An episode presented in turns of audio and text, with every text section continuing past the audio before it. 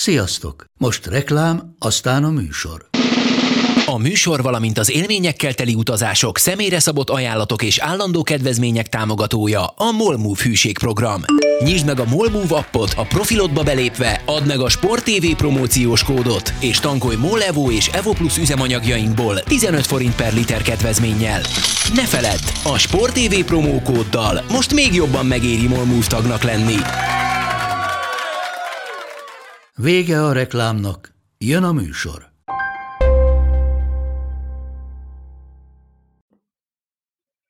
Sziasztok, köszöntök mindenkit a Force Log 111. adásában, bezárva, de mégis külön helyen, Bencsics Márk és Budai Zoli. Szia Zoli, mi újság? Szia Márk, minden rendben. Bocsánat, itt vagyok, minden rendben. Kicsit mi volt, az, mi volt az elmúlt heted fénypontja? Mesélj nekem.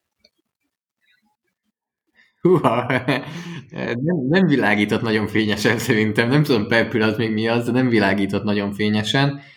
Valószínűleg az, hogy hát voltam futni a szigeten, meg sétáltam nagyokat a városban, eléggé szeretek este így nagyot sétálni a városban, és például elmentem azt hiszem múlt kedden, és nyilván teljesen kihalt volt a város, és azért ez egy nagyon hát bizarr pillanat volt, meg bizarr séta volt most így látni Budapestet, de igen, tehát azért fénypontokról szerintem itt nem nagyon beszéltünk most, de igazából meg vagyok, dolgozom, szerencsével eléggé sokat beszélek barátokkal, sportolok is, úgyhogy összességében azt gondolom, hogy nem panaszkodhatok, ha belegondolok, hogy, hogy másoknak mondjuk mennyivel rosszabb lehet per pillanat. Ti hogy vagytok?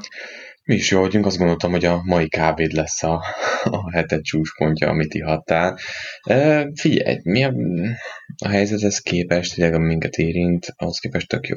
Nekünk, ami feladat volt, hogy összehangolódjunk, összecsiszolódjunk, hogy minden nap itt vagyok azért ahhoz képest, amennyit valójában itthon töltök munka meg edzés mellett, ahhoz képest azért ez egy teljesen új helyzet, de figyelj, örülünk, hogy egészségesek vagyunk, hogy munka az ugyanúgy megy tovább pöröghet, sőt, még talán többet is dolgozunk, mint előtte. És igen, amit te is kiemeltél, hogy, hogy inkább próbálom én is a pozitív dolgokat nézni, mert, mert, mert tudom, hogy valakinek sokkal rosszabb a helyzet. Mint ahogy nagyon sok embernek, játékosnak rossz helyzetet fogunk ma terítékre hozni, hiszen Greg Rosenthalnak az NFL.com-on egy-két nap, vagy pár nappal ezelőtt megjelent egy cikke, ahol az irányítókat ilyen érték szerinti rangsorba állította, és 35 játékos vett gorcső alá, olyan szempontok szerint, hogy hány éves az adott játékos, milyen hosszú a szerződése, mennyi a fizetése adott évben, milyen tehetséges a játékos, tehát mekkora upside van egy irányítóban, milyen jelenlegi teljesítménye van, és az van egy utolsó pont, hogyha mondjuk GM lennél adott csapatban, akkor te mennyire lennél elégedett adott játékossal, mennyire szeretnél jobbat, vagy kevesebbel is beéred, inkább ez egy kicsit ilyen szimpátia vonal is, ami volt. Tehát ilyen szempontok szerint rendszerezte a 35 irányítót, és azt beszéltük mi Zolival, hogy megcsináljuk mi is a saját listánkat,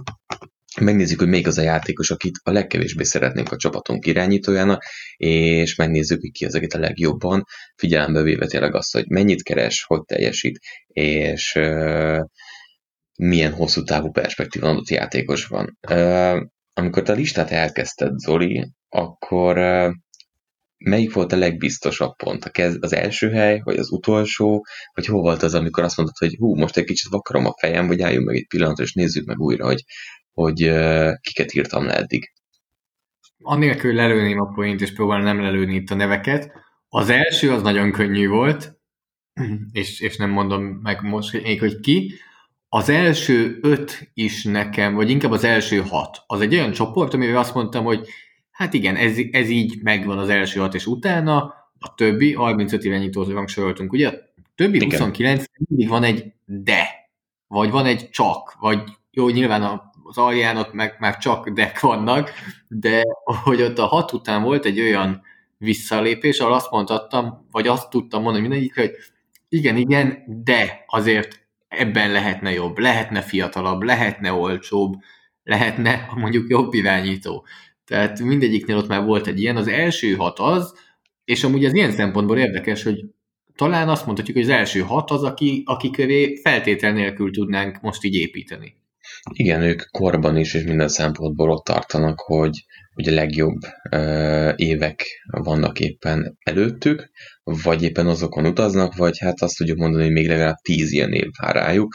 Itt ugye, ami választott, vagy elválasztott a játékosokat, az mondjuk a fizetése, ami, ami azért abszolút releváns lehet egy-egy csapatnál. Tehát ha látjuk azt, hogy mondjuk milyen hatás van egy túlfizetett irányítónak a csapaton belül, és erről majd beszélünk, amikor odaérünk ilyen e, példákhoz, akkor azért látszik az, hogy néha adott játékosnak a teljesítményénél fontosabb az, hogy két millió dollárt vissza a sapkából, vagy 30-at, hiszen azért más posztokon ezeket tudod kompenzálni, ami hosszú távon pedig a franchise erősségét is jelentheti. Teljesen egyetértek. Nálad kialakultak ilyen csoportok, vagy hol volt az, ahol így nagyon elbizonytalanodtál mondjuk? Érdekes, nekem volt egy-két játékos, akire már, aki elkezdtem írni a listát, útközben rájöttem, hogy na őt följebb fogom tolni, őt biztos, hogy lejjebb fogom tolni valamilyen szempont szerint. Én inkább próbáltam valahogy úgy csinálni, hogy a józanész keretein belül a fiatalabbaknak, illetve az alacsony szerződésebb bíró játékosokat feljebb toltam, és, és, és, és aki pedig mondjuk, ha nem top 10-es QB, de sokat keres, akkor azzal én, én egy kicsit uh, uh, gonoszabbul bántam. Tehát uh, azokat egy kicsit lejjebb toltam, hogy úgy éreztem, hogy, hogy nem top 10-es, hanem mondjuk ez az ilyen top 10-15 határ, tehát nem ez a tiszta választás, ha tizedbe kell rakni, akkor azokat lejjebb toltam, mert azt mondtam, hogy akkora extrát nem ad a franchise-nak, hogy top fizetése legyen.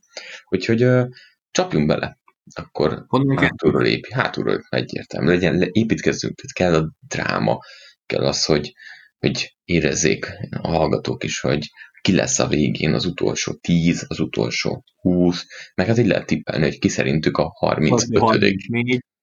Ki az utolsó 34? Igen. Tehát a 35 utolsó uh, helyre nálunk uh, mindketten csináltunk listát, az Zoli, meg én is, és akkor utána ezt pixeltük, és most úgy fogjuk nézni ezt a, a listát, hogy hátulról ki mit mondott. Lesznek átfedések, így hogy megnéztük, de lesz, ahol eltérünk, és ott egy kicsit jobban kinyitjuk a, a, az adott játékosnak az értékelését. A 35. hely nem volt meglepő, Mitch Trubisky. Nem meglepő? Tudod, mi az ebben az érdekes? Hogy tavaly nem lett volna 35 Tehát neki a megítélése az, hogy a nyakára hozták Nick Foles-t, ez, ez mind-mind-mind szépen letolta. És az, azért egy kicsit nehéz a helyzet, mert amúgy fizetés szempontból ő olyan szerződéssel áll, és a sapkából jelenleg 9 millió dollárt vesz ki, ami, ami azért nem egy gyilkos összeg.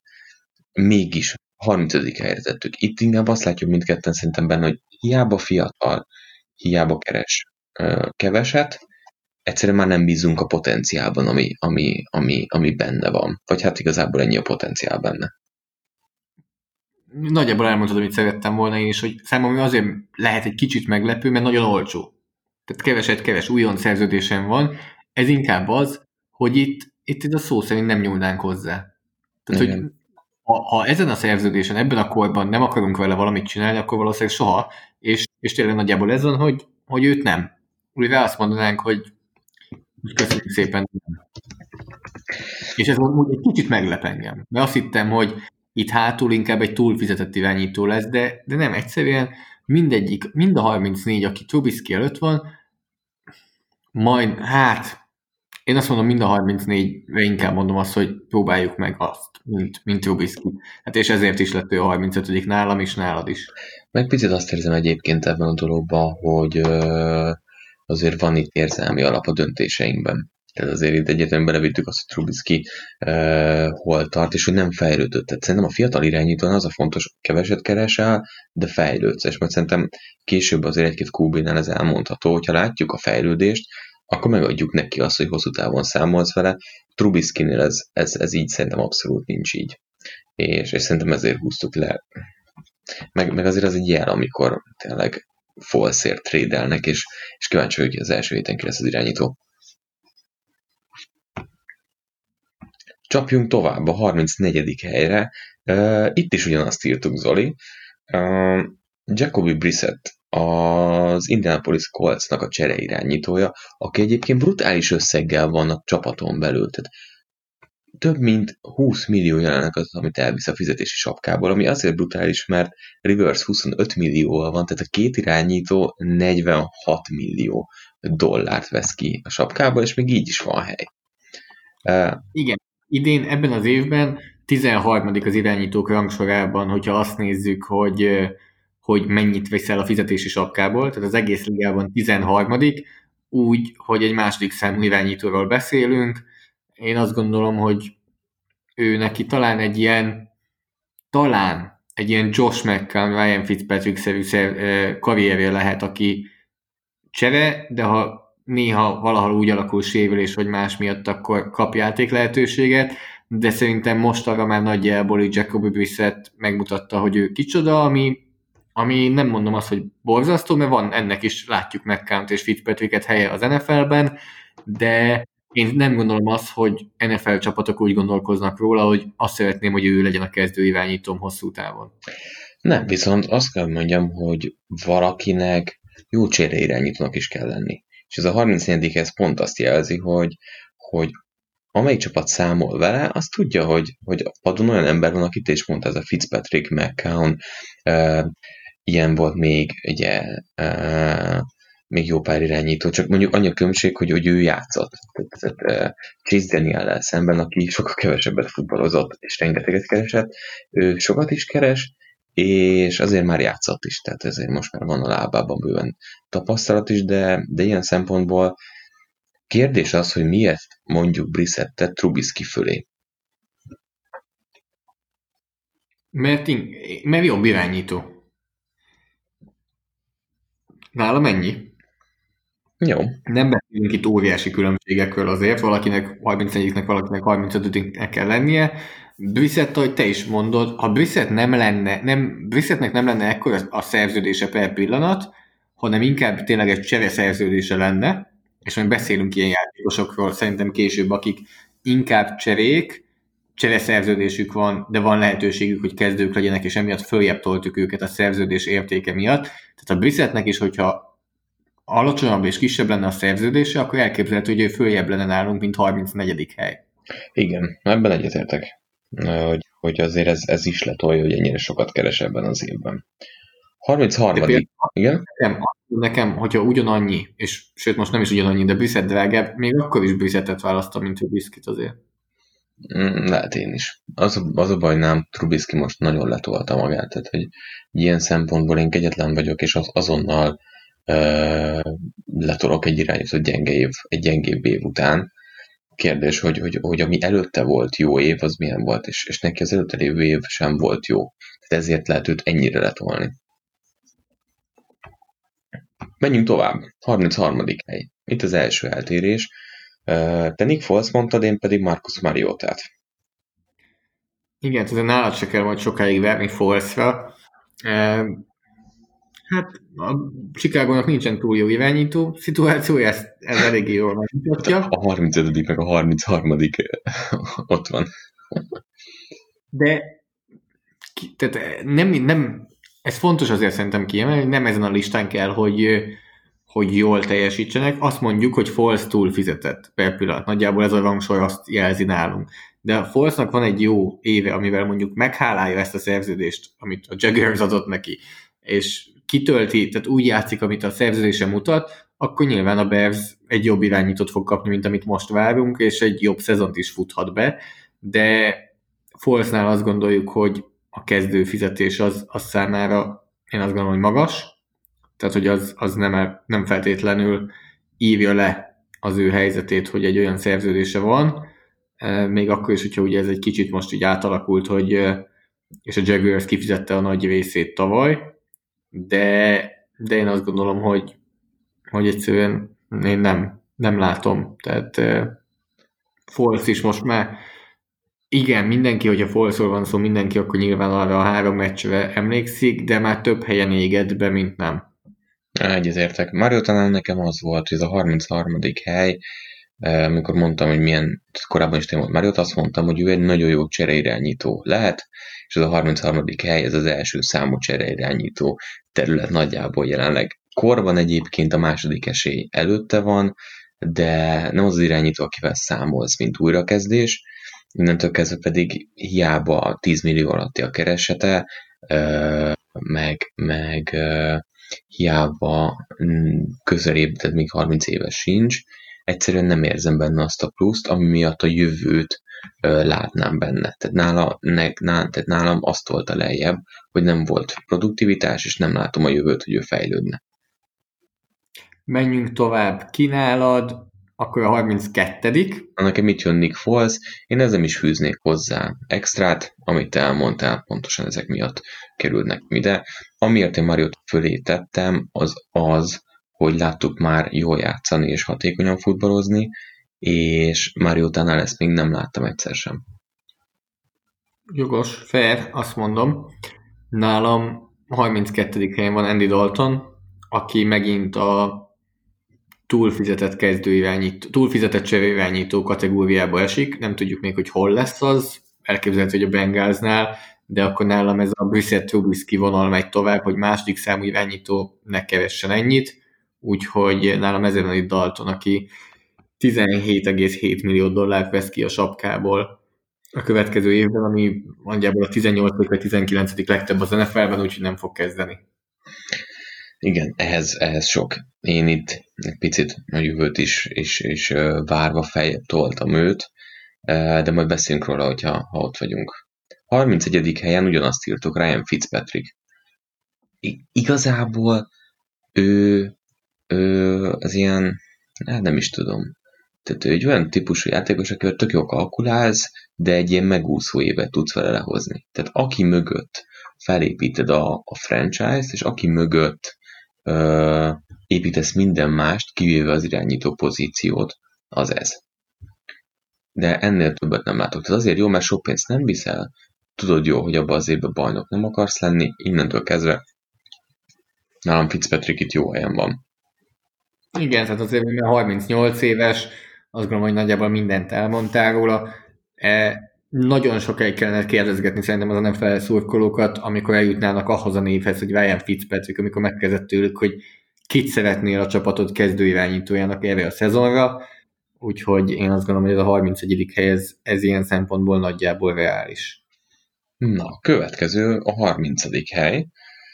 Itt eltértünk. Én Ryan Tenehilt mondtam, te Jared Stidemet. Én azért mondtam Ryan Tenehilt, mert az, hogy top 10-es irányító fizetéssel futballozik a Titansnél innentől kezdve, ez brutálisan sok. Én emiatt olyan szinten toltam lejjebb Tenehilt, hogy ha ő egy normális fizetéssel, egy reális fizetéssel lett volna, akkor egy ilyen 20 közepe, teteje, lehet, hogy azt is megcsípte volna. Nálam itt egyértelműen a fizetés és a jövőbeni kockázat az, ami lejjebb viszi. Tehát azért olyan sokat nem láttunk belőle, ami alapján ekkora pénzt, és ennyi évre be kellett, hogy tárazzon a Tennessee Titans. Nálam sem lesz magasan Tenehill, majd akkor talán még beszélünk róla, de, de nyilván képes olyan teljesítményre, ami miatt ez följebb megy. Ha megismétli a tavait, akkor pedig végképp, de, de inkább mind a ketten szerintem óvatosak vagyunk, és nem a 2019-es szezonból indulunk ki Ryan Tannehillnél. Meg azért a rájátszást nem akarom elfelejteni. Értem, Én. tudom, de, de azért az ott van. De összességében a szezon sem felejtjük el, mert azt gondolom, hogy ezzel a szerződéssel a Miami Dolphins-os Ryan Tannehill a 35. helyre kerülne. Igen. Ez, az Tehát nem, nem kérdés. Az húzza föl onnan az, ahogy ahogy játszott 19-ben a Titansnél. Nálam Jared Stidham a 30. hely, hát a legnagyobb sötét ló a, mind a 35-ből, azért nem 35 mert hihetetlenül olcsó, ugye? Tehát nagyon-nagyon kevés helyet viszel a fizetési sapkából, tehát most, hogyha megnézzük, akkor Paxton Lynch és Garrett Gilbert között van. Tényleg olyan nevek vannak itt a környékén, akik mind második, harmadik számú irányítók. Brian Hoyer több pénzt viszel a sapkából, mint Jared Stidham, Mazer Rudolph és CJ Bethard, Dishon Kaiser, tényleg szinte mindenki. Um, úgyhogy ez az, ami, ami nálam elvitte, hogy ne a 35 legyen, égvilágon semmit nem tudunk róla, és most ezt tényként közlöm. Tehát kicsit azért itt a Patriots hype elment, hogy hú, láttad a preseasonben? Láttad az Auburn egyetemen? Emlékszel, hogy valaki azt mondta, hogy ő a legjobb az egyetem irányítók közül? Oké, okay, semmit nem tudunk Javet Stidhamről, tehát ez majd... Hát ez, ez tudom milyen, ez olyan, mint hogy én hallottam valakitől, akinek mondta valaki, aki a izének dolgozik, hogy holnaptól a karantén szigorítják. Mindenkinek van, egy, mindenkinek van egy ismerőse, aki mondta, hogy a izé a valami. Na, kb. ennyit tudunk Stidhamről, mint hogy mi fog történni egy hét múlva. Nem? De különbség, különbség, mert én mindig ezekre azt mondom, hogy te is mondasz, hogy ha sokszor mondják, egyszer be fog jönni. Lehet, hogyha sokszor mondják, akkor sem lesz Jared Stidham franchise irányító. E, legyen sok sör a hűtőben, legyen sok sör a hűtőben, legyen sok sör a hűtőben. Egyszer be fog jönni már. Persze, elmegyek is veszek. igen, igen, vannak ilyen, ilyen részek. Ezt ide megtetted a 30. helyre. Menjünk tovább, 29. Nekem mit jön Andy Dalton? Uh, amit te mondtál, én azért tettem egy kicsit feljebb, mert, mert hiszem, vagy gondolom azt, hogy, hogy ő nem ezzel a szerződéssel fog uh, futni, ez egy kicsit megerőlegezett dolog, de én csak ezért választottam őt igazából, hogy, hogy szerintem ő egy még mindig 20-ban teljesítő irányító megfelelő rendszerben. Nem azt mondom, hogy ő valaha be tud menni 15-be még, de de tud jól futballozni, hogyha olyan e, helyzet van körülötte. Viszont nála ez nagyon kell. Nincs jó korban már, tehát 32 éves talán, e, most ez 17 milliót keres, ebből biztos, hogy csökkenteni fognak, hogyha bárhova elszerződne, vagy ha kirúgják, de, de amit te is mondtál, te a 32. helyre tetted, én egy picit ezzel feljebb. Én azt gondolom, hogy azért tettem Fitzpatrick fölé a kora miatt, tehát hogy azért hosszú többet lehet vele számolni, a másik pedig az, hogy Dalton nekem kiegyensúlyozottabb, Fitzpatrick nagyon hullámzó. Nálam 29. Teddy Bridgewater, aki én azt gondolom, hogy ő se sokkal több a sötét lónál. Tehát eh, láttunk belőle valamennyit a, a Saintsnél, a, a Vikingsnál azért, amit láttunk belőle, azt gondolom, hogy az idő egy kicsit megszépíti. Nem mondom azt, hogy rossz irányító volt, sőt, én, uh, én, mennyit én Bridgewater, de de tehát nálam Teddy Bridgewater a szószoros értelmében, se nem pozitív, se nem negatív értelmében a game manager irányító. Nem vállalja túl magát, megkeresi az éves embert, odadobja, nem gondolom, hogy ő egyedül meccseket nyerne. Én bírom Teddy Bridgewater, szerintem ő egy kezdő irányító az NFL-ben, de inkább a 20-25. hely körül, és, és ahhoz képest azért most elég jó pénzt kapott szerintem, és az az, ami egy kicsit lehúzza nálam. És vannak, és az húzza le, hogy vannak előtte olyan nevek, akik meg nagyon olcsón játszanak, és, és nagyobb bennük a potenciál. Tehát én a potenciált ilyen szempontból belegondolok, akkor ezen a listán egy kicsit lehet, hogy túlértékeltem, mert Teddy Bridgewaternél tudom, hogy mi és drága, vagy mondjuk közepesen drága. A P19. Az az olyan közepes, az totál középmező. Mondom, hogy az alatta lévők, pedig a 19-nél olcsóbbak, akik még lejjebb vannak, őrülük meg nem tudom még, hogy micsoda, és lehet, hogy, lehet, hogy az jobb, mint amit Eddie Bridgewater. Abszolút, abszolút. Tehát ugye ilyen mentén mindig jobb lehetőség, jobb helyzetben hozzuk most azt, akiről kevesebbet tudunk, és azért Igen. valami alapján nagyobb, megadták neki azt a lehetőséget, mint akinek már tudjuk, hogy mi, mi a plafon. Tehát ezt, ezt tény. 28. Mondjam én? Mondjad. Mert itt látom, hogy azért itt van egy nagyobb különbség, és egy olyan dolog, amiben amúgy egy kicsit beléd is fogok kötni, hogy nálad Carr értékesebb, mint Marcus Mariota. Mert nálam jön itt a 28. helyen, aki azért én azt gondolom, hogy eléggé túl van fizetve az én eh, én, én gondolkozásom szerint, tehát ő megint ott van, hogy a 20 nagyjából, vagy a 20 körül van nagyjából az én rangsoromban, és 12 és 15 között van pénz alapján, én nálam az, az kicsit, kicsit magasan van, és, és azt gondolom, hogy értékben szerintem Mariota jobb, mint Derek Carr, hogyha összetesszük azt, hogy mert nálam kb. Derek Carr és Marcus Mariota ugyanolyan szintű irányító. Tehát nálam tényleg szinte ugyanaz a kettő, és Mariota sokkal, vagy hát jóval olcsóbb. Szerintem itt ér, itt ér alapvetően különbségünk, hogy szerintem Derek Carr jobb irányító, mint Marcus Mariota. De hát valahogy itt válik el a dolog, hogy igazából Derek Carr is nagyon jó elkapok nélkül futballozott, ugye az igaz Mariotáról is, tehát egy titan kívül csak keresgették első második körös elkapókkal a, a célpontokat, de igazából nekem ő, ő, ő csalódás volt, lehet, hogy sokkal többet is vártam, én Mario, tehát nagyon szerettem, amikor bejött az egyetemről. Derek Carr tavaly éve egyébként nagyon egy ilyen elsúnyogott szezon volt. Szerintem sokkal jobban futballozott, mint, ahogyan, mint amennyit beszéltek róla, és, és én ezért tettem őt fejbe a 22. helyre, mert azt gondolom, hogy hogy Derek Carr sokkal többet ekézik ahhoz képest, hogy milyen stábban körülötte. Tehát azért ezzel a, az elkapó és Titan brigáddal szerintem abszolút kihozza a maximumot.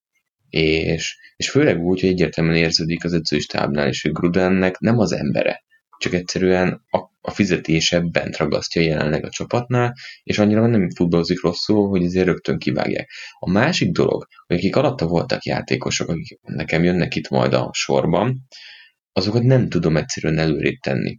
Nem tudom előrébb tenni például Jerez Tidemet, aki nekem egyébként a 28 ugyanazt mondhatnánk el. Azért 28 nekem, mert a Patriotsnál uh, Láttuk, hogy Brady azért nem tett már túl sokat hozzá az előző szezonhoz. Ha el nem Jesse Stidham, akkor ennyit lehet, hogy ő is le tud hozni, és az, hogy ennyire keveset keres, az azért feltolja ezt a dolgot. Hozzáteszem Derek Carrnál pedig nekem az, hogy, hogy a mögötte levő irányítók még a kevesebbet is keresnek, egyszerűen teljesítményben nem tudtam adni. Nekem Mariota uh, nincs egy szinten jelent Derek Carr, de ez igazából itt az egy véleménykülönbség kettőnk között. Én a kettő közül, ha kéne választani, miért, ha választanak, ugyanannyit keresnének, 10-10 millió, akkor melyiket választanád? Akkor szépen most az augusztusi, jó, nyilván ez most nem így lesz, de hogy az edzőtáborban megnézném, és egyenlő esélyekkel. Uh-huh. Tudod, mi a bajom az edzőtáborral? Az, hogy az soha nem éles helyzet. Tehát én... Amúgy én... valószínűleg, valószínűleg kárt választanám, épp egy kicsivel de a szerződésük között pedig óriási különbség. És ezért van nálam elővébb Mariota. Na de menjünk előre 27 Csak itt tudom, mit van a különbség. Mariota cserének vitték. Tehát Mariota nem kaphat kezdő irányító fizetést, hogyha ha cserének viszik. Tény. Ugye ebbe, ez a csalóka, hogy ha most ő egy kezdő QB pozíciót vitt volna el, akkor nem ez lett volna a fizetése. De igen. 27. Nálam itt jön Ryan Tenehill. Nem, sokat a pénz. Én valószínűleg kicsit jobban súlyozom a 2019-es szezon, de azért most ne, azért nem hiszem, hogy belekötsz abba, hogy 27. helyre fölviszem mm. most a 30 helyet. Én nálam tényleg az a tavalyi szezon, mert azt mondtad, hol azt hiszem a False Mariota kérdésnél, hogy False már mutatott valamit, a Tenehill is tavaly mutatott valamit. Uh-huh. És az a csapat egyben marad ráadásul. Tehát, hogy nem az, mint Folsnál, hogy valamikor kettő csapattal ezelőtt mutatott valamit, hanem Tenehill kövül marad minden, marad az edzői stáb, kizártnak tartom, hogy ugyanolyan jó szezon produkál, ebben egyetértünk, de, de tud akár egy top 10-es szezont produkálni, akkor végül is ez a pénz megérte, és akkor azért még a 27-nél is följebb tenném, de én is azért fenntartásokkal kezelem, hogy tud-e top 10-es hmm. szezont futni.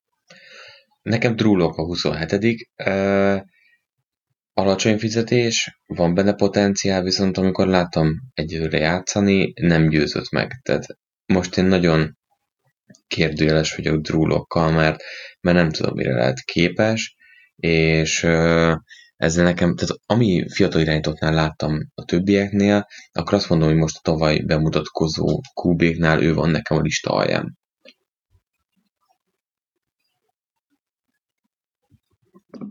Menjünk tovább akkor. 26. Itt van nálam Mariota, nálam kár, nem választja el sok minden. Itt akkor te Derek Carr de csak azért, mert kevesebbet keres. Igen, valószínűleg, amit te az előbb mondtál, hogy mennyit keresnek, akkor valószínűleg valamivel Derek Carr-t tenném, de a fizetési különbség az nagyobb. Jó. Akkor itt nekem pedig Teddy Bridgewater volt, igazából én azért tettem följebb, mert mert nem értem annyira túlfizetve így, hogy 19-20 körül fizetése van, kezdő QB-nak szánják a következő évekre. 25. hely. Na nálam itt jön Drew tehát nagyjából ugyanott vagyunk nálad 27, nálam 25. Én is azt gondolom, hogy azért a, ha mindent egybevetünk, akkor tavalyi újoncok közül, akik játszottak, hát talán ő gyújtotta a legkevésbé meggyőző teljesítményt, de itt eléggé sok fog jönni közülük, de ez, ez nagyjából egy csoport, tehát ott ők hárman, őket hárman egy csoportba tenném, és úgy látom, hogy nálad is nagyon egymáson vannak, de a te 25 az nem egy tavalyi újon.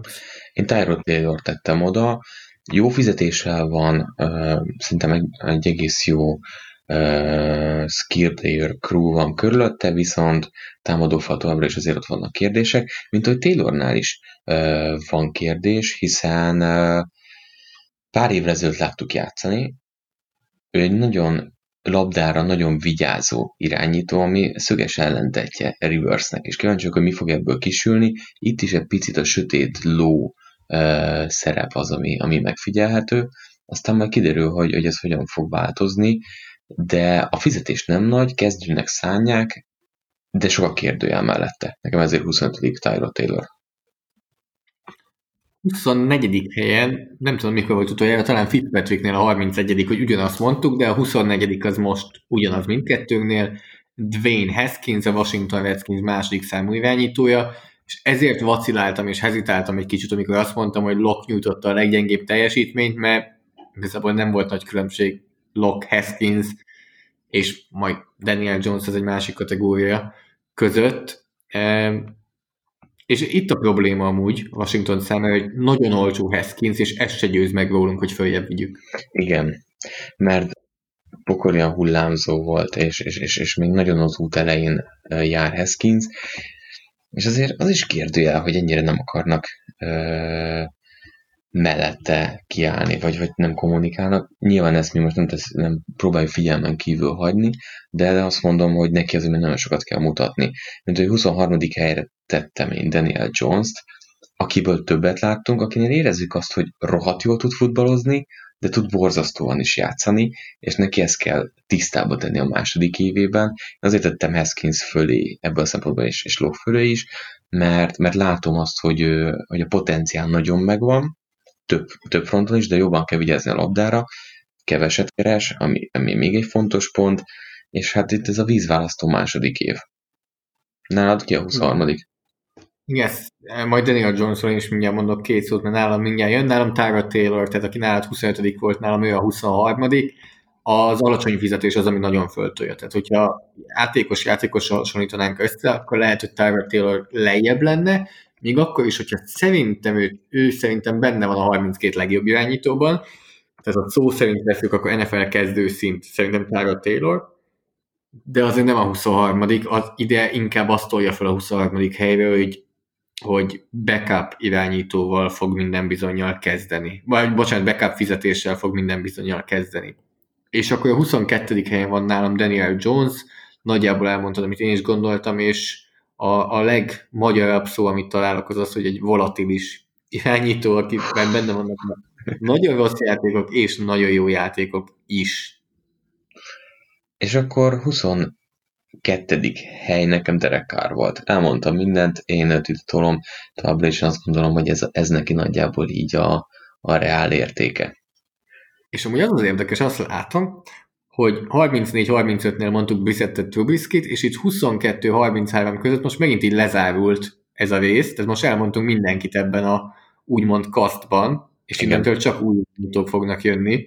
Innentől... Nagyon szépen ezek a csoportok. Igen, igen, igen. Innentől jönnek a, a nagy tehetségek, vagy akik már komoly lóvét kapnak. És, és itt kellett szerektálni, vagy akik már kifelé mennek a korból. Ugye 21. hely neked Kirk Cousins. Hát igen, ami egy kicsit fáj, de hát ugye ő azért elég sokat keres, minden garantált, minden dollárja, most új szerződést is kapott, tehát még tovább keres nagyon sokat garantáltan, és és ennyit nem ér nálam. Én nagyon szeret, tudod, hogy szerintem tudod, hogy nagyon szeretem Kazint, mm-hmm. hogy mhm. eléggé szeret, szerintem sokat szidják jogtalanul, de akik előtte vannak, hogy egy az egyben egymás mellé tennénk irányítókat, akkor szinte mindig az van, hogy valószínűleg a másikat választanám, ha a szerződést oda tesszük, akkor pedig végképp a másikat választanám. Én azon gondolkodtam, hogy 15 csak a fizetése. Neki tudod, mi mi rohadt csalóka? Hogy mind garantál.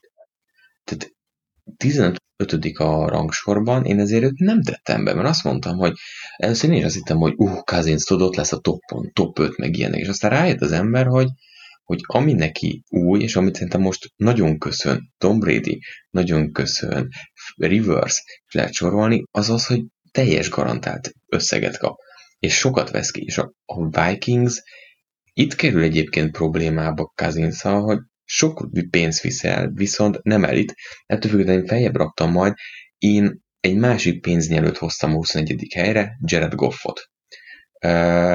Nekem hihetetlen, hogy mennyire lehúzza az, hogy ő torony magasan a legjobban fizetett játékos. Tehát Dak Prescott a teggel 31 milliót keres. Ő a második. Jared Goff még őt is 5 millió dollárral szárnyalja túl. A tavalyi éve borzasztó volt, két éve láttuk benne azt, és megfejében is, hogy hogy tud jól futballozni, de ez a szezon, ez, ez, ez annyira nekem elvitte a, a kedvem, és ez a, a, ez a brutális fizetés, hogy őt, őt, őt például abszolút a fizetés miatt én lejjebb toltam. Ez amikor beszéltünk még a felvezetésben, ez pont rá vonatkozott.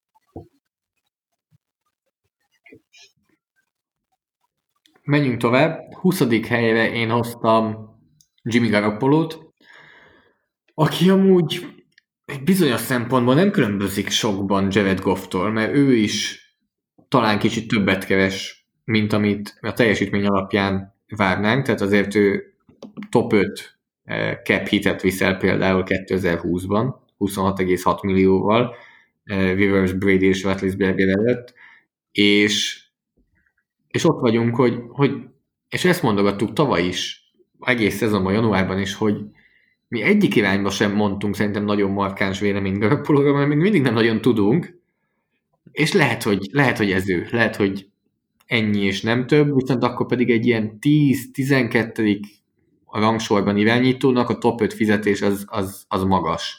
És nálam ezért van ezen a listán itt most 20. helyen Jimmy Garoppolo. E, azt gondolom, hogy ha előre megyünk és megnézzünk irányítókat egymás mellé téve Garoppolót és azt az irányítót, ha ugyanannyit keresnének, akkor Garoppolót vinném, de a fizetéssel együtt nem tudom Garoppolót vinni. Abszolút teljesen megértem. Itt amúgy akkor lesz bajban a 49ers, hogyha ha Garoppolóról beigazolódik, hogy ez a plafon. Mert akkor ez a pénz, ez gigasok. Az, hogy top 5 fizetése van, és ez neki a plafon, akkor ez rohadt kevés. Ha ebben még tud előre lépni jövő évben, akkor lehet, hogy te listádon is ott, ott lesz, ahova mint irányító rangsorolnád. Tehát szerintem ez itt a, a, a fontos, fontos kardinális uh, kérdője Garoppolónál. Én Ben Ratlisbergert hoztam a 20. helyre. Két szem, három szempont miatt, és egyik sem fölfelé viszi. Hihetetlen játékos, de 40 felé közel, tavalyi szezont kihagyta, top 10 fizetése van, és amikor játszott két évvel ezelőtt, akkor is azért már, már látszott rajta, hogy egy kicsit rosdásabb, mint, mint volt korábban. Ö, megmerem kockáztatni, hogy ez a Steelers egy újonc irányító fizetéssel, aki mondjuk kezdőszintet tud hozni, ők totális rájátszás, sőt EFC csúcsa lehet egy-két éven belül, és Schlattisbergerrel, mivel ugye az, az is egy pont volt, hogy hogyan kalkulálunk az adott játékossal, vele hosszú távon nem lehet számolni, vele úgy lehet számolni, hogy ez az utolsó nagy bedobása lesz. És, és ez ilyen szempontból azért nem elég nekem, úgyhogy én lejjebb is toltam őt szépen a listán. Ö, igen? Mondjad. Ja, nem, csak menni tovább, hogyha Rödsbergerhez van még valami, akkor mondjad. Majd úgy is jön, nem sokára nálam. Jó. Akkor 19 nekem Jimmy Garoppolo, én nem akarom ezt tovább fejtégetni pontosan amiatt, amit te is mondtál. Nálam a 19 az egyik legizgalmasabb irányító az NFL-ben, Josh ellen a Buffalo Billsből. Hát mit mondjak? Soha nem lesz olyan irányító, mint amilyet elvárunk az NFL-ben, aki hidegvérrel higgadtan szétpasszolja az ellenfelet, hanem egy nagyon atletikus, nagyon nagy játékokra képes, sokszor nagyon pontatlan, nagyon nagy hibákat vétő, nagyon hirtelen döntéseket hozó, és ebbe sokszor rosszul jön ki, cserébe viszont nagyon olcsó, tehát ezért is van följebb, mint ahol mondjuk talán lehetne néhány meccse, meg néhány teljesítménye alapján. El kell ismerni, hogy talán, jó, ez egy furcsa mondat összetétel, hogy el kell ismerni, és talán, én sem tudom eldönteni, hogy a második évében mintha egy kicsit jobb lett volna, mint az elsőben, de ott is voltak borzasztó hibák, és lehet, hogy inkább csak a csapat volt körülötte jobb, és ez húzta fel a teljesítményét. A Stefan dix tényleg meg tudja mutatni, hogy mit tud, e, és innentől nem nagyon lehetnek kifogások. Nem tudom, hogy, hogy képes lesz rá. Mit gondolsz, ha azt mondom, Cam Newton? Nagyjából ezt. Az egy nagyon-nagyon jó hasonlat. Az egy nagyon jó hasonlat. Nem tudom, hogy ki tud-e hozni magából mondjuk egy MVP szezont. De az alapok nagyon-nagyon sok mindenben hajaznak. Cam Newton Igen. korai karrierjére, aki egy kicsivel tisztábban futballozott, mindenben egy talán kicsit kifinomultabb volt, vagy nem is tudom, hogy mi, mi a jó szó rá, de, de ugyanezek a hullámegyek, hullámvölgyek voltak, nagy játékok, nagy hülyeségek, de hogy, hogy ilyen szempontból ez... Tessék? Atletikus játék, igen. pontatlanságok, atletikus igen. játék, ezek nagy játék, vannak. Igen, úgyhogy, úgyhogy ő kiviheti oda ezt a dolgot, és én ezért raktam őt pont ide, 18. helyre egyel fölé Josh Allen, pontosan ugyanemiatt, hogy, hogy látom benne a potenciált, és szerintem nagyon sokan látják benne, és nem véletlen, hogy, hogy most ezért Dixet is oda vitték mellé, hogy, hogy még jobban támogassák a Josh allen akiről nem szabad azért elfelejteni, hogy még mindig rohadt fiatal. Tehát ez, ez, egy, ez egy fontos pont ellennél, hogy még mindig csak 23 éves. Tehát ez, ez nagyon kemény. Nálam a 18. helyen Philip Rivers van, az Indianapolis Colts irányítója, ki tudtam mondani a mondatot. Mert nincs benne erbetű. Nem, nincs. Tehát a Colts irányítója, akinél nagyon nagy hatással van itt a 2019-es szezon. Tehát ha a 19-es szezon előtt lenne, akkor valószínűleg ez a szerződés ide vagy oda, még így is top 10 lenne értékben, de az a 2019-es szezon az nem mutatott annyira jól, és nálam emiatt 18 itt Philip Rivers, az Indianapolis Colts irányítója. A 17.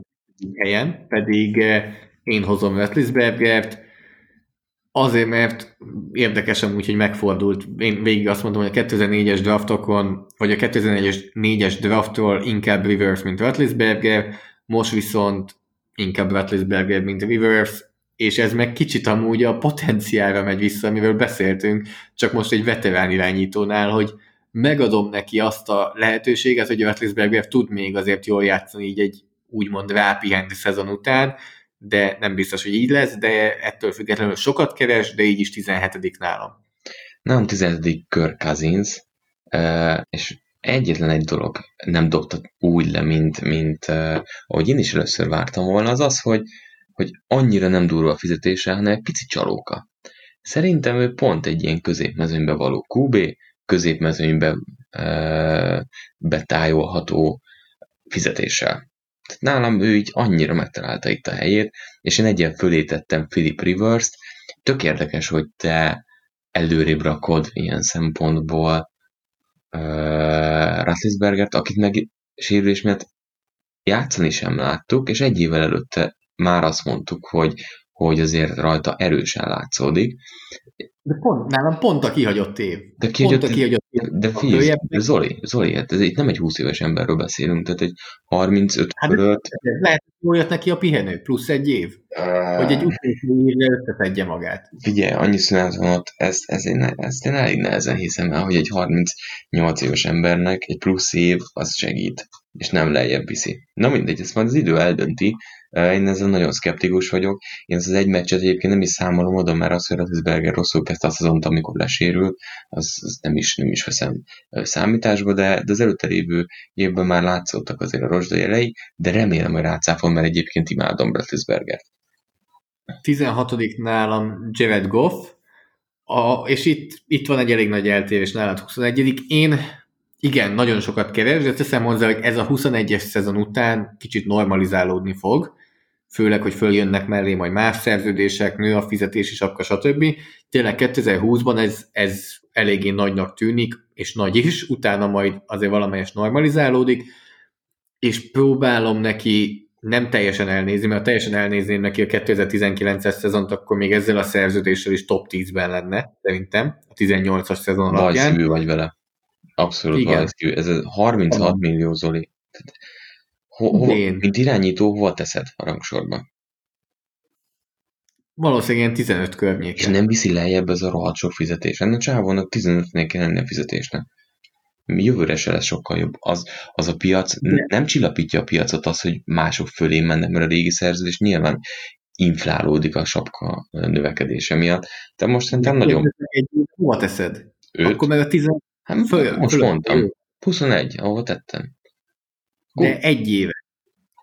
De jövőre is sokat fog keresni.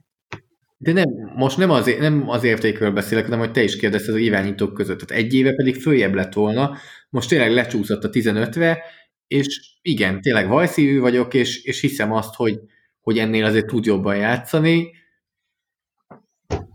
Jövőre, és jelenleg egyébként tök érdekes, bocsánat, hogy beszéltünk, mert itt behoztuk a jövő évet. Jövőre Ratlisberger 41 millió. 41. Előtted van, hogy játszani jövőre? Nem, az nincs. 41. Tehát ott azt a, meg fogja szívni, meg a New Orleans is abban az irányba megy, hogy amikor visszavonul Breeze, akkor ők azt az évet megszívják. Igen. Tehát Goffnál még azt mondanám, azt tenném hozzá még egyszer, hogy fiatal. Tehát, Igen, hogy ez, ez, ez egyértelmű. Ez, adjuk, még meg neki. És akkor lépjünk tovább, és 15. helyen jön, megpróbálom kimondani, szerinted menni fog? Tom Brady, a Tampa Bay Buccaneers irányítója. Nagyon fura.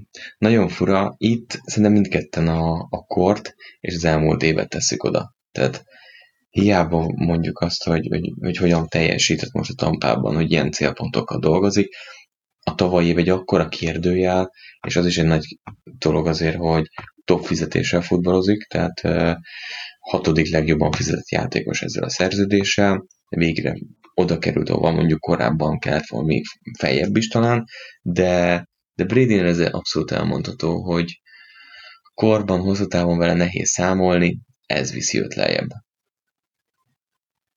Teljesen egyetértek, elmondtál mindent, hogy azért úgy, hogy minden dollárja garantált, ugye ez nem annyira kevés, ez a két év 25 millió, kétszer 25 millió. Tehát a tavalyi év az nem, nem mutatott akkorát. És akkor szerintem egy olyan, na megyünk tovább, amin sokan meg fognak lepődni. Ebben biztos vagyok. A 14. helyen Drew Brees. Miért? Miért lepődnek meg? Miért tennénk nagyon máshova Brees, mint Brady-t? mert jobban futballozik. Csak tudjuk, hogy abba fogja hagyni. Amikor tudod, hogy az ember maximum két évet futballozik még, akkor nem tudod feljebb tenni ennél. Tehát akkor vele hosszú távon nem tud számolni, hanem ami most is történik, hogy ennyi a kapu. A New orleans van még egy, maximum két éve, hogy, hogy így futballozzon, hogy Super Bowlért hajtson, és erre tökéletes neki Drew Brees, addig kell kimaxolni, de pontosan tudjuk jó, mint irányító, őt feljebb toljuk a mai teljesítménye alapján, viszont a kora, a jövőbeli eh, lehetőségek, meg ilyenek, azok mind-mind lejjebb tolják őt. És szerintem sokan felhúzzák a szemöldöket, hogy Drew Brees 14 aztán amikor egy kicsit jobban belegondolsz, akkor azt mondod, hogy igen, megértem.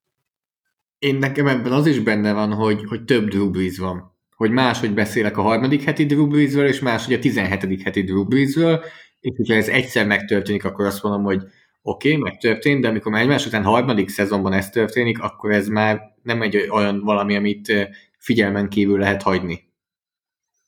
Hogy decemberben és januárban egyszerűen az elmúlt szezonokban Breeze nem játszik olyan jól, mint a Ah. szezon elején. Tavaly ugye volt egy pihenő, ezért ezt áthidalták, tavaly ez, ez annyira nem volt éles, de A Mike meccsen azért elég sok hibát követett na jó, Ryan Tannehill nem csinált semmit az egész rájátszásban, ott meg, ott meg azzal foglalkozunk, akkor az alapszakaszban milyen jó volt. Tehát most ez kettős mérce. Tehát Breeze-re rá Jó, de, de Breeze-nél ez most már évek óta van. Nem az volt, hogy most egy rossz meccse volt a szezon végén, hanem kb. mindig december közepétől. Nem mondom azt, hogy borzasztóan játszik, de nem Breeze szinten játszik. hanyadik helyre teszed Drew Brees-t, mint irányító. És egész szezonra húzod az embert, itt most nem hetekről beszélünk, egész szezonra. 5-6 körül. Hát akkor, akkor, akkor azért úgy húzod le, hogy azért mégsem húzod le, te is tudod jól, hanem akkor meg ezek a dolgok viszik lejjebb ide. De azért Igen. én amit akar... Minden. De csak hozzá akartam tenni még egy ilyen faktort is, ami, uh-huh. ami benne van. Jó. Menjünk. Mert egy már, vagy bocsánat, egy harmadik, ö, harmadik heti, vagy szezon elejé Drew Brees viszont nem 5-6 környékébe teszek, hanem 2-3. Igen, ez kétségtelen. Ez kétségtelen. Jön a szerencsétlen szám. 13. Uh, én Gardner Minshew-t hoztam. Nagyon jó fizetéssel, iszonyú keveset keres, és Jacksonville Jaguars benne akár egy, egy aranylora is lehetett. Jól teljesített, megvoltak azért az újonc hibája, amikből szerencsésen jött ki, ez egy sokkal rosszabb is szezon lehetett volna statisztikailag, de, de azt gondolom, hogy, hogy Minsúra lehet építeni. Tehát aki első évben így futballozott, az szerintem, szerintem megérdemli azt, hogy, hogy feljebb toljuk, mert, mert ennek a játékosnak van jövőképe, több évig keveset keres, és, és egy tehetséges játékos. Nálam 13. helyen Matthew Stafford van, aki azért most, hogy már így jött a többi szerződés köré, így egyáltalán nem olyan magasan fizetett játékos, tehát azért inkább az átlag körül van az ő szerződése a többi irányítóhoz képest. E, A teljesítménye pedig, amikor éppen jó időszaka van, és 2019-es szezonban eléggé sok jó időszaka volt a sérülés előtt, akkor azért az bőven top 10-es, E, úgyhogy nálam ő ezért a, a nagy pénzt kereső irányítók közül egy, ö, egy közepes helyen van, tehát 13, előtte eléggé sok olyan van, aki vagy, tulajdonképpen előtte mindenki, aki van, vagy olyan, hogy nyert már MVP-t, vagy volt MVP közeli formában, vagy nagyon olcsó. Tehát Stafford az utolsó olyan itt a listámon, aki még nem volt egyik sem. Vagy nyilván már nem nagyon olcsó, és nem volt még egy ilyen MVP szezonja. Én Matthew Staffordot nagyon szeretem, és kár, hogy az előző szezonja véget ért a 8 meccs után, mert, mert a legjobb éveinek egyike lehetett volna ez, és, és remélem, hogy úgy tér vissza, és akkor, akkor szerintem ez egy még akár jobb helyen is lehet, mert, mert nála például tényleg igaz az, hogy a piac szépen oda nőtt mellé, sőt fölé az évek során. Tehát azért ő túlfizetve volt egyértelműen. Négy évvel ezelőtt beszélünk erről a listáról, akkor őt jóval lejjebb toltuk volna a brutális túlfizetése miatt, így most már úgy, úgy alakul.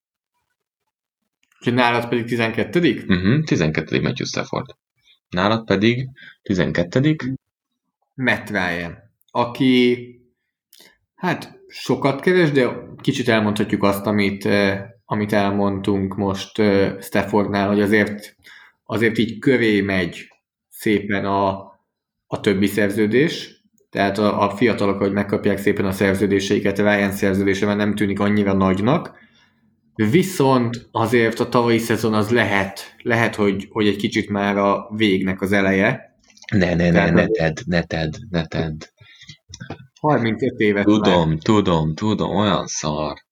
Én Meg... Már ő is 35 éves. Emlékszel, amikor a Boston College-os srác 1 per 3 jött, basszus, igen.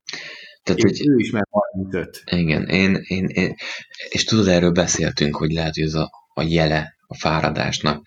Én nem akartam oda betudni, úgyhogy én feljebb toltam, a kilencedik helyen tartottam őt, mert, mert nem, nem akarom. De egy, egy, ebbe érzelmi dolog is egy picit van. Neki karrierében mindig úgy volt, hogy volt egy kirobbanó év, majd visszafogott év, utána megint, tehát hogy neki, neki ilyen időszakai vannak, és én, azt gondolom, hogy hogy ő még visszajöhet. Úgyhogy én, én őt még nem írtam ide. És akkor ki volt nálad a 11 Na és akkor ide raktuk azt, aki, amit mondtál, vagy nagy pénz, nagy QB, vagy fiatal, óriási tehetség, kevés fizetéssel, és Kyler Murray-t választottam, tehát ő az a játékos, aki egy év után mutatott már, villantott már valamit, és látjuk benne a potenciált, és azt mondta, hogy na igen, erre a srácra lehet építeni. Podcastban, szezon közben is beszéltük azt, hogy na hú, elkezdett Murray fejlődni, látszik rajta a fejlődés. Majd a következő hónapban totálisan alásott ennek az állításnak, majd utána megint egy picit javult. De én azt gondolom, hogy ez egy normális fejlődési folyamat, és ez, amiről mi beszélünk, hogy nagyobb lehetőséget adunk egy olyan irányítónak, akiben még a teljes potenciát nem láttuk, nem tudjuk mi a plafon, de, de még, még csak keressük benne a gyémántot. Hát nagyjából én ugyanezt fogom elmondani az én 11. helyemről, és én idehoztam Gardner Minshut. Philip Walker az XFL-ben játszott most tavasszal, szerződtette a Panthers Bridgewater mögé második számúnak, vagy lehet, hogy harmadik számúnak. Na ő többet keres, mint Gardner Minshew, aki a Jaguars kezdő irányítója. Tehát annyira alacsony ez a fizetés, hogy ez nagyon-nagyon föltolta őt, úgy, hogy megmutatta, hogy képes arra, hogy NFL kezdő szinten játszanak, és hogyha azért elfáradt, elmúlt egy kicsit az újonc varázs, és gyengébb teljesítményt mutatott utána, de Minsú úgy érzem, hogy, hogy megmutatta, hogy képes kezdőirányítóként, és megint ugyanazt tudom mondani, mint elmondtunk, potenciál, és cserébe nagyon olcsó. Ugyanez az előtte lévő Kyler Murray, azért azért arról nem, arról nem is gondoltam tizedik Kyler Murray nálam, hogy Minsút Murray elé tegyem, tehát egyértelmű, hogy szerintem a tavalyi újoncok közül egy per egyes volt, igen, de Murray nyújtotta a legjobb teljesítményt, egy per egyes volt, igen, de még mindig olyan szerződése van, és olcsó, úgyhogy nálam, nálam itt jött Kyler Murray.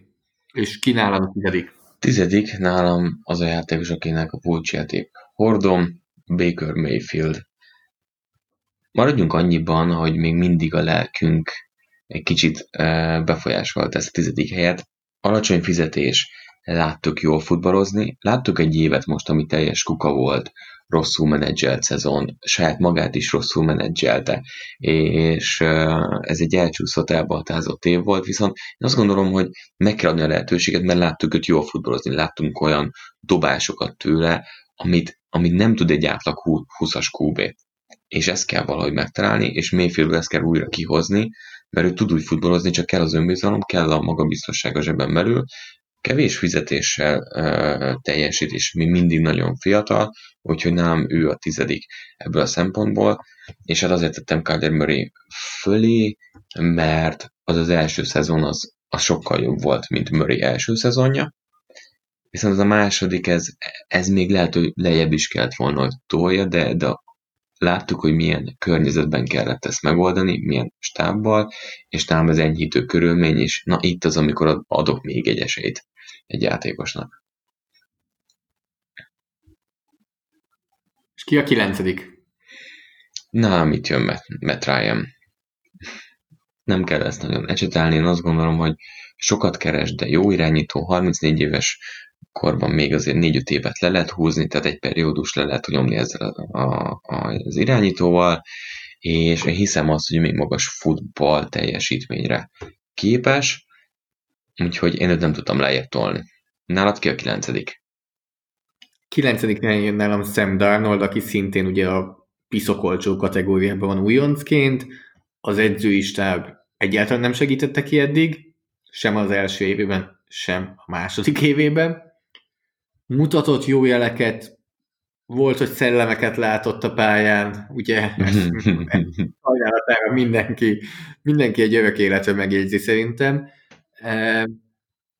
Kicsit azért Darnoldban az van benne szerintem, hogy, hogy annyira prototípus irányító, annyira olyan, amilyet szeretnénk, hogy jó legyen, hogy így többet látunk bele, mint amit eddig ő igazából a pályán mutatott, de szerintem itt azért belejön az edzői stáb, hogy az edzői stáb nem segíti ki. Én azt gondolom, hogy abszolút van benne lehetőség, de félő, hogy mivel az edzői stáb ugyanaz maradt így, idén se fog túl sok segítséget kapni, de még mindig nagyon fiatal és nagyon olcsó. Ki a nyolc neked? Nálam itt jön Baker Mayfield. Fiatal, olcsó, a 2019-es szezonja nem volt jó, de... Finoman fogalmaztál, de... finoman fogalmaztál. Nem, pont ezt akartam mondani. Pont ezt akartam mondani, hogy nem finoman fogalmaztam, hogy szerintem azért a katasztrofális, az azt nem ért el azt a szintet. Dehogy nem. Tehát, ne, a fi, ne, milyen elvárásunk voltak Baker mayfield ahhoz képest. Jó, az elvárásokról beszél. Persze, az elvárásokhoz képest igen, de hogy összességében azért nem ő volt a 30. legjobb irányító ezen a felvet. Tehát nem 30. volt, és az elvárásunk tolja le egy kicsit. Abszolút azt vártuk, hogy top 10, vagy talán még följebb lesz, és ehhez képest valószínűleg még a 20-ban se volt benne, de nagyjából ott volt szerintem a 20-21 körül. Hát az nem, nem kap... Tessék? Azért az nem jó. Nem, ezt, pont ezt mondtam, hogy nem jó. Csak az elvárásaink miatt is mondjuk az, hogy katasztrofális. Egyáltalán nem volt jó. Egyáltalán nem volt jó, szerintem se. Félve ne érts. Na jó, de kontextus, kontextusba kell helyezni. Tehát, hogy egy QB-tól azt várod, hogy 5 vagy 10-es teljesítményt hozzon, és az egy 20, 25. minőségbelit, vagy 20. környékét, az kurva szar. Az nem kicsit De szar, az nem gyenge, az rohadt gyenge. Tehát egy irányítóval szemben nagy elvárás, mint hogy leszedő keresztüzet Rodgersről, mert nem top 3 teljesítményt hozott két éve, hanem csak hatodikat, az, azt gondolom, hogy itt is az elváráshoz kell helyezni a dolgot. Tehát ez egy, ez, ez egy katasztrofális szezon volt. Tessék? Ki mondtad a kulcsot, Igen? hogy, hogy kontextus. És a Rodgersnél és itt is, akkor nézzük meg, hogy, hogy mi volt körülöttem, miért nem sikerült, mi a kontextus. Nem mondom, el, elképzelhető, hogy Mayfield egyszerűen lehet, hogy nem top 20 irányító benne van, de az is lehet, hogy azért ez az edzőistáb, ami, amitől semmi segítséget nem kapott, ez is hozzávezetett ehhez. Egyet. Szerintem a 2020-as szezon nagyon fontos lesz, és nagyon sok mindent meg, tudunk, meg fogunk tudni Mayfieldről, mert lehet, hogy tényleg nem egy top 20 irányító, lehet, hogy tényleg egy top 10, tehát szinte minden benne van, és nem tudok elmenni szó nélkül az edzéstáb mellett, ahogy Darnoldnál se tudtam, és az emeli Mayfieldet Darnold fölé, az első két évében, amikor Mayfield jobban játszott, az szerintem magasabb szint volt, mint amikor Darnold jobban játszott. Ez, ez, ez még szerintem helytálló is ebből a szempontból, hogy jobb lesz, az pedig én is bekategorizáltam Mayfieldnél, hogy edzőistáb az, az lejjebb húzta, én őt ilyen szempont magasnak érzem, viszont én meg itt Aero Rodgers hoztam, és azért, mert nála viszont szerintem tényleg látszódik az, hogy, hogy a korban már kifelé megy, 36 éves, de, de nála az elmúlt két évben tényleg érződik az, hogy egyre kevésbé teljesít úgy, nagyon sok mindent magára is húz, túlvállal, emiatt az elmúlt két évben rengeteget szekkelték, még mindig tud úgy futballozni néha, meg tudja mutatni azt, hogy milyen az az Aaron Rodgers, de, de picit már itt, itt kezd elillanni, ami 36 éves korban azért értető, az a fajta sebezhetetlenség, ami, ami azért neki, neki megvolt korábban. Úgyhogy én azért hoztam őt ide. Magas fizetése, hosszú távú gondolkodásban uh, neki már jobb éve nem lesz. És ki a hetedik? És nálam itt jön be Sam Darnold, mert mondtad Baker Mayfieldet uh, ezzel kapcsolatban. Ami még Darnoldnál fontos, hogy a srác 22 éves. Tehát optimálisan ő most fejezte be az egyetemet. De neki már van két év rutinja az NFL-ben, és jobban játszott a második évben, mint az elsőben, ha nem is sokkal, de jobban. Úgy, hogy amit pontosan te e, fejeztél ki, ilyen edzőstábbal, e, ez egy nehéz helyzet, és mivel itt most figyelembe kell vennünk, és nekünk azt kell figyelembe venni, hogyha mondjuk mi lennénk GM-ek, hogy Darnoldnál el kell tekinteni, sőt, még plusz kell tenni, hogy így futballozott ezzel az edzőstábbal, ezért én benne ilyen fizetés mellett, jelenállás szerint én nagyon nagy potenciált látok. A szomorú ebben az egészben, hogy amit te is mondtál, lehet, hogy soha nem fogjuk látni Darnoldot úgy teljesíteni, mint ha olyan franchise-ba csöppent volna, ahol mindent megtesznek azért, hogy az irányító maximumot hozza ki. Na, ki lehet, hm? lehet, hogy lesz egy, lehet, hogy lesz egy Tenehill fordulás a történetében, amikor elmegy a Jets-től. Simán És lehet. valahol mutatni. Abszol, az, az a rész abszolút előttem van. Tehát ebben, ebben teljesen egyetértünk. Nálad ki a, ki a következő? Nálam a hetedik éve Rodgers, akit az előbb említettél, és mondtad, hogy mit mondtál? Hal, halhatatlanság, ami hát, egy kicsit kezd lejönni? sebezhetetlenség, valószínűleg a halhatatlanság és a hírességek csarnoka azért meg lesz, de tényleg, tehát kicsit lehet, hogy eljutottunk Rogers, mi lett volna, ha stádiumába a karrierjének, hogy, hogy ebben több volt. És ebben durva. több kellett, hogy legyen. De, de tudod, hogy úgy beszélünk, hogy az évtized legjobb irányítójának egyike, és azt mondjuk, hogy ebbe több volt. Gondolj bele, mi lehetett volna a plafon neki. Azért, mert szerintem amikor, amikor elkezdett nem top 1 teljesítmény nyújtani, ami ugye azért volt egy eléggé hosszú időszak, amikor nem egyértelmű, hogy top 1 volt, de amikor elkezdett ilyen 3-4-5 körüli teljesítmény nyújtani, szerintem mindig azt mondtuk, hogy vissza kell, hogy menjen oda, jobb célpontok, majd amikor nem McCarthy lesz, stb. stb. És azt látjuk, hogy, hogy lehet, hogy nem. Lehet, hogy bele, bele süppett ebbe a jó, hatodik, hetedik helyről beszélünk, tehát ne arról beszélünk, hogy borzasztó teljesítmény, de hogy te is mondod, hogy ennél, ennél lehetett volna szerintem jobb a karrierjének a második fele, aztán ki tudja, lehet, hogy 2020-ban, ha lesz szezon, akkor a második évében Lefleur rendszerében megmutatja, de, de tényleg ez, ez egy kicsit ilyen, ilyen keserédes íz van a szádban, hogy de tehetséges irányító, de nem hozta ki szerintem a maxot, ami benne volt. És akkor most e, lezártunk még egy Bizony, csoportot bizony. tulajdonképpen. Megint az első hat, az nálunk ugyanaz a, ugyanaz a hat, csak a sorrend az kicsit különböző. Már kezdett el a hatodikkal? Kezdem a hatodikkal. Dak Prescott választottam, és Dak Prescottot láttuk franchise QB-ként irányítani. Én engem kockáztatni, hogy az elmúlt egy-két évben nagyon megkedveltem Prescottot, több szempontból is. Nagyon szeretem a játék stílusát, szeretem azt, ahogyan futballozik. Látjuk benne azt, hogy, hogy ő tényleg a következő tíz évben nem lehet kérdés, hogy, hogy franchise QB-ként teljesítsen, és ami miatt a többiek előtte vannak, az az, hogy azt sem látom, hogy ő valaha top 5 lesz, vagy top 3. Tehát ő most ide a top 10-be berakta magát, mint irányító az aljára, mert ezért nyilván Rodgers előtte van, Ryan előtte van, de betett a top 10 aljára, de nagyon nem érzem azt, hogy ő top 5 irányító lesz bármikor. Ezért persze top 5-ös fizetése lesz, amikor aláírják biztos, ha nem top 3, de, de nem érzem azt, hogy Prescott el fogja érni azt a szintet, hogy ő, ő valamikor is mondjuk az All Pro első csapatba bekerüljön. És nem szimpatizált esetleg Prescott egy kicsit jobban attól, hogy egyszer együtt közösen nagyon csúnyán eláztatok? Mikor? Micsoda? A Cowboys Patriots meccsen? Bazd meg, ja. az nem elázás volt. Az konkrétan hibernálás. Tehát ott az, az, az utolsó kis elemednek a megfagyását is jelentett, hogy nem tudom elázásnak mondani azt a meccset, hanem az a totális megsemmisülése volt egy, egy emberi életnek. Tehát ott én úgy elszülettem. Tehát nagyjából olyan volt, mint, mint amikor Stallone-t is kihozták a hibernáció után, és egy teljesen más élethelyzetbe kerültem azután, amikor végre meleg vízhez jutottam, és lefürödhettem. Nem. Tehát, hogy akik fölötte vannak, azokat okkal teszem fölé, de itt egy ilyen nagyon stabil helye van. Ennél lejjebb nem tudnám le, ö, nyomni. Ha top 1-es fizetést kapna, akkor sem.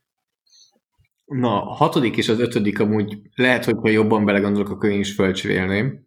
De a hatodik helyben én Carson Wentzet hoztam, és ez inkább Prescott helyzetéről mond el többet, hogy ez a, ez a tag és a hosszú távú szerződés. Tehát, hogyha amint megkapja Prescott a hosszú távú nagy szerződés, ami valószínűleg ráadásul nagyobb lesz, mint Vencé, akkor Vencet följebb fogom tenni, de most Prescott ezen az egyéves tegen így szerintem eléggé olcsó, Szerinted ki a jó futbolista? Vence. Kérdés, hogy végigjátsza a szezont, tehát hogy nála van mondjuk egy ilyen de, de az a jó, szerintem ennél a kettőnél, hogy nem tudsz az, ez egy személyes vélemény, tehát ezt szeretném azért mondani, hogy ez személyes vélemény, és valaki azt mondja nekem, hogy szerintem Prescott jobb irányító, mint Vence, akkor azt mondom, hogy oké. Okay. Én is, de az érveket, az érvek érdekelnének, mert amúgy tök más stílusú irányító mindkettő valahol, de tök érdekelne, hogy, hogy mondjuk miért mondja egyiket vagy másikat. Mert én, én is Vencet teszem, nekem azért ő a, az ötödik, de hogy mik azok a dolgok, amire azt mondjuk, hogy igen, Prescott a jobb, vagy oké, okay, Vence jobb. De érdekes amúgy tényleg, hogy ugyanaz a draft, nyilván teljesen máshol választották ki őket, ugyanaz a divízió, azért a Cowboys is gondolkozott abban, hogy Vencet draftolják, ha esetleg úgy alakul, és hogy mennyire szépen összeforr az ő nevük, e, és ugyanúgy beszélünk róluk, és most is nálam ötödik Prescott, hatodik Vence, nálad ötödik Vence, hatodik Prescott. Igen, ami vicces itt, hogy, hogy azt gondoltuk, hogy róluk fogunk beszélni, mint top qb aztán kiderült, hogy egy generációt ugrott a történet, és, és vannak előttük ezen a listán. Tehát ez egy ilyen, ilyen vicces élethelyzet ebből a szempontból. Menjünk elővé, vagy szeretnél beszélni itt az ötödik helyen még Vencről? Nem, tehát hogy én igazából elmondtam, én Vencet nagyon szeretem, szeretném, hogyha hosszú távon egészséges lenne, hajnál kapok a futballozna, mert amit Prescottnál nem érzek, azt Vence-nél abszolút érzem, hogy ő tud top 3-as, top, hát magyarul top 3-as futballt hozni, hosszú távon is, amit mondjuk nem érzek most jelenleg. Prescottnál a top 5. Tehát, hogy egy picivel jobb játékosnak tartom, pont ennyivel. És akkor... Teljesen egy... Jöhet a negyedik hely. Most már azért itt a dobogó alját karistolják. Kezded, vagy kezdjem? Kezdjed.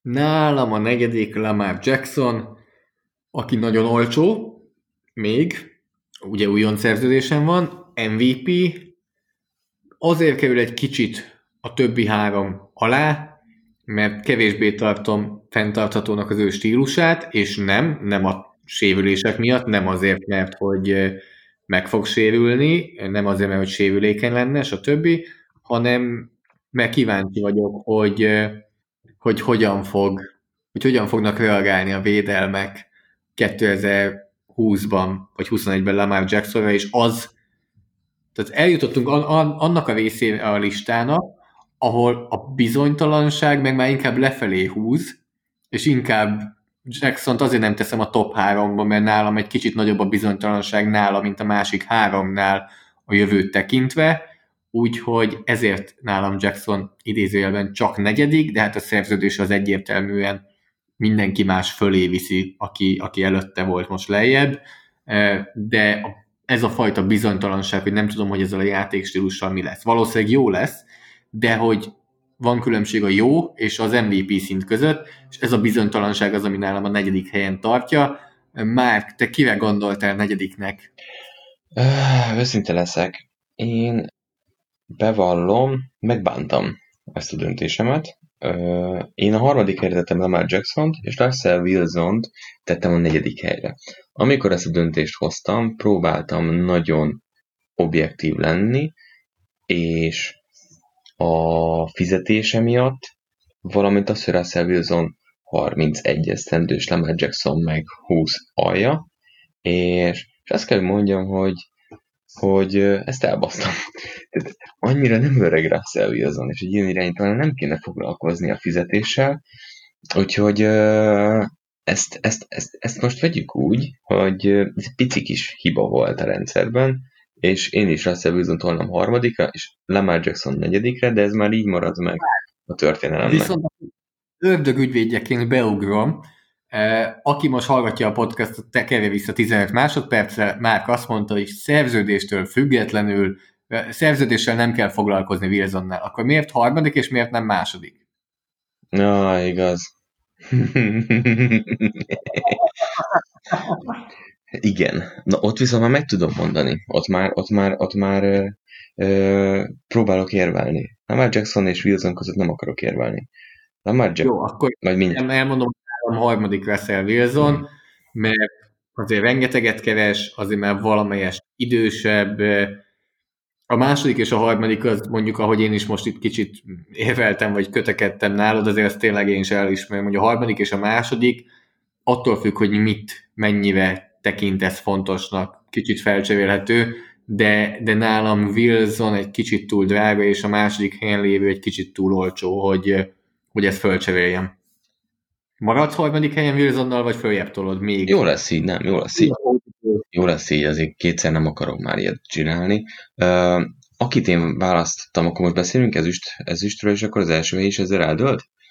Óriási izgalom? Tehát ugye két irányító maradt. Dishon Watson és Patrick Mahomes. Szerintem kezdjük a másodikkal. Azért tettem Dishon Watsot a második helyre, és azért nem tudom fel wilson mert pontosan látom Dishon Watsonban azt, hogy Russell Wilson lesz négy év múlva. És akkor azt velem éli meg, míg Russell Wilson már látom, ő már kész, és, és ő már jobb szerintem nem lesz. Nem is kell, hogy jobb legyen. Neki már csak egy jobb edzőstáb kéne, hogy, hogy úgy csillogjon tényleg még, még, még, még, még, még jobban a, a, az égbolton. Tehát ő már kész. Viszont Watsonnal meg közösen lehet menni, és ez Dishon Watsonnál a kevés fizetés egy plusz dolog. És, és én ezért teszem őt második helyre.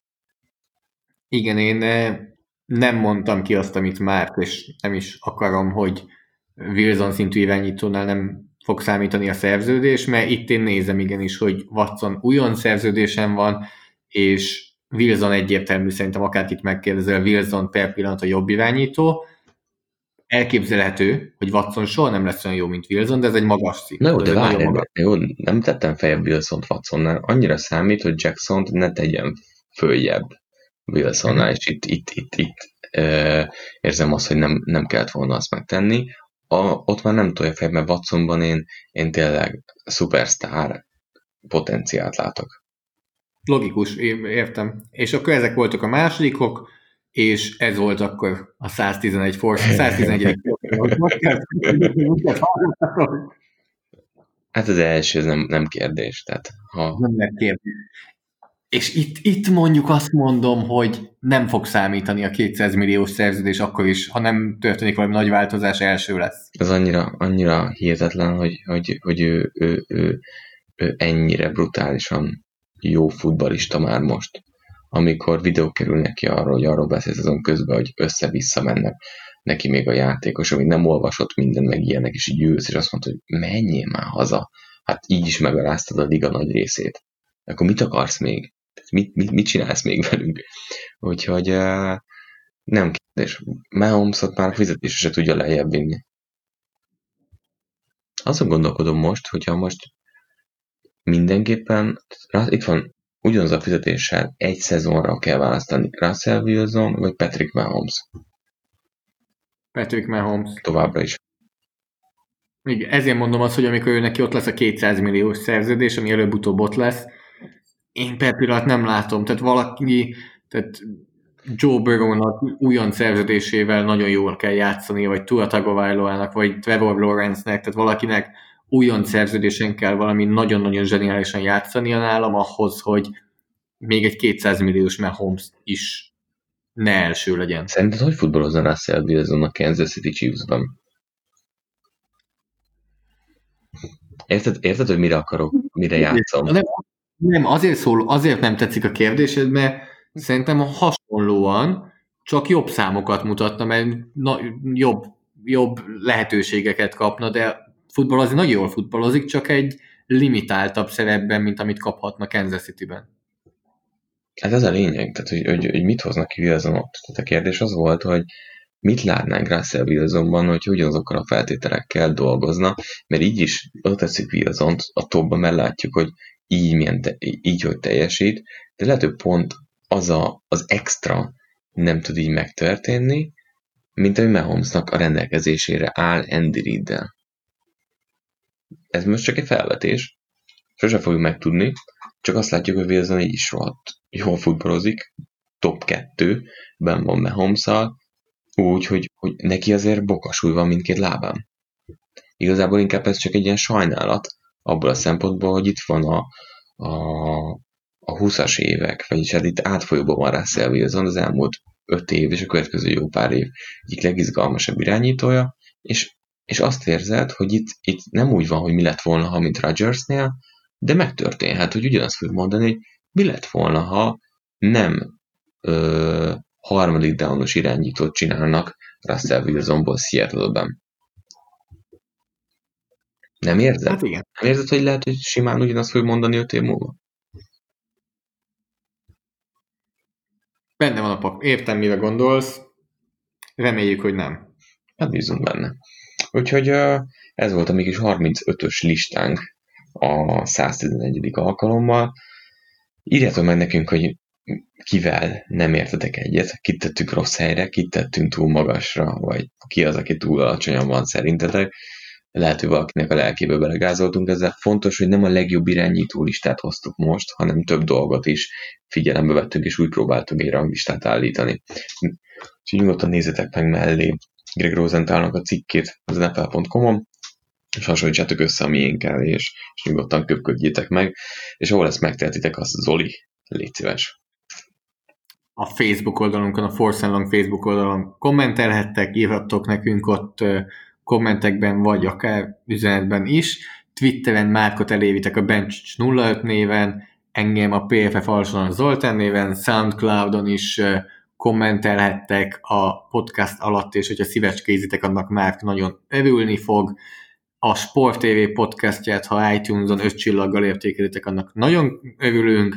Hallgassátok a karanténkasztot is, és a Sport TV többi podcastját is, mit megtehettek még a Spotify-on is, mert azt, azt hiszem még nem mondtam el.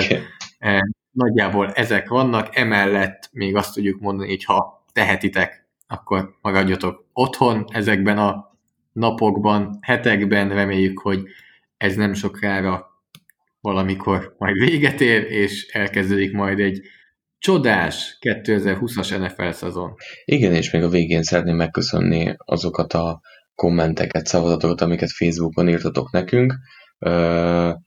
Ha minden jól megy, akkor szombaton meg fogjuk tenni ezt a kis akciót, hogy végignézzük a győztes mérkőzést együtt közösen veletek, ha minden jól megy. Mi végig fogjuk Zolival kommentálni szombat este a meccset, várjuk majd a hozzászólásokat, kérdéseiteket az egyik ikonikus meccshez, és ugye a terv az, hogy, hogy mi közösen, tehát YouTube-on is fent vannak ezek a mérkőzések, egy húzomban megnézzük veletek, és egy jó kis két és fél órás programot próbálunk rityenteni, ahol lehetőleg hideg sörrel és, és, és rákcsával inkább nem, de jó kedvel fogjuk, fogunk várni titeket is. Szóval... Tartsatok velünk akkor is. Ez volt a 111. Force Long Podcast. Ha nincsen más, amit el szeretnél mondani már, akkor szerintem most el is búcsúzunk. Így van, úgyhogy vigyázzatok magatokra, hallgassátok ezt és a karanténkasztot, meg a többi Eliupot és a remek uh, uh, podcastokat. Hamarosan találkoztok velünk is. Sziasztok! Sziasztok! A műsor a Béton partnere.